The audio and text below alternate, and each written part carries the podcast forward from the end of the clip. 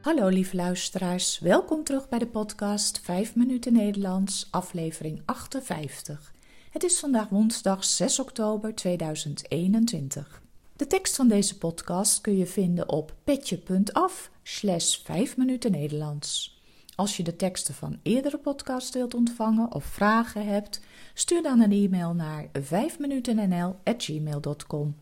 Mijn naam is Carolien, ik ben taaldocent op de universiteit en woon in Leiden.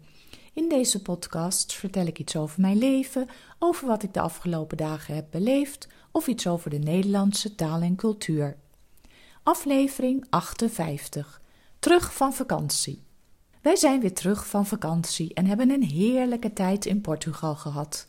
Het was schitterend weer, zo'n 25 à 26 graden overdag, dus je kon lekker aan het strand zitten en in zee zwemmen. S'avonds koelde het wel wat af, maar we hebben altijd buiten kunnen eten. Ik had twee lange broeken in mijn koffer gedaan, maar die heb ik niet nodig gehad. En ook de trui die ik had meegenomen, heb ik maar twee keer even aangetrokken, omdat het s'avonds een beetje ging waaien. We hebben ons uitstekend vermaakt. We hadden een appartement gehuurd op een mooi vakantiecomplex bovenop een rots. Misschien ken je de kust in de Algarve wel. Ten westen van Faro heb je mooie bruinrode rotsen met daartussen kleine zandstranden. Om op het strand te komen vanaf ons appartement moesten we dan ook helemaal afdalen naar de baai. Naar het strand was dat niet zo'n probleem, maar smiddags in de volle zon weer omhoog was heftiger. Er was op bepaalde stukken een houten trap aangelegd. Ik heb de treden geteld, 169. Het was wel meteen een goede oefening, we hoefden niet meer naar de sportschool.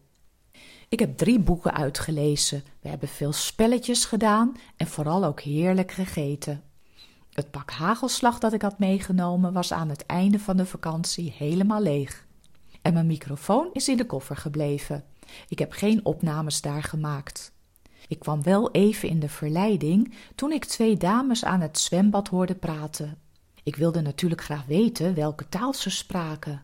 Pas toen een van de dames in het zwembad dook en riep: Het water is koud, begreep ik dat ze Fries met elkaar spraken. We vonden het ook wel bijzonder dat we weer gewoon konden reizen.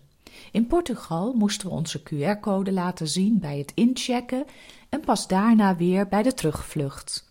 Wel was het daar nog verplicht om mondkapjes te dragen in openbare ruimtes binnen, zoals in een restaurant of winkel. In het vliegtuig waren mondkapjes uiteraard ook nog verplicht. Zoals je misschien hebt gehoord, is in Nederland de anderhalve meter losgelaten. Wel moet je in de horeca je QR-code laten zien. Dit stuit nog steeds op veel protest. Er zijn wekelijks demonstraties omdat men vindt dat het een tweedeling in de maatschappij geeft. Ook kwam er in het begin veel protest vanuit de horeca zelf. Men vond het controleren van de codes te veel werk en men wilde geen politieagent spelen.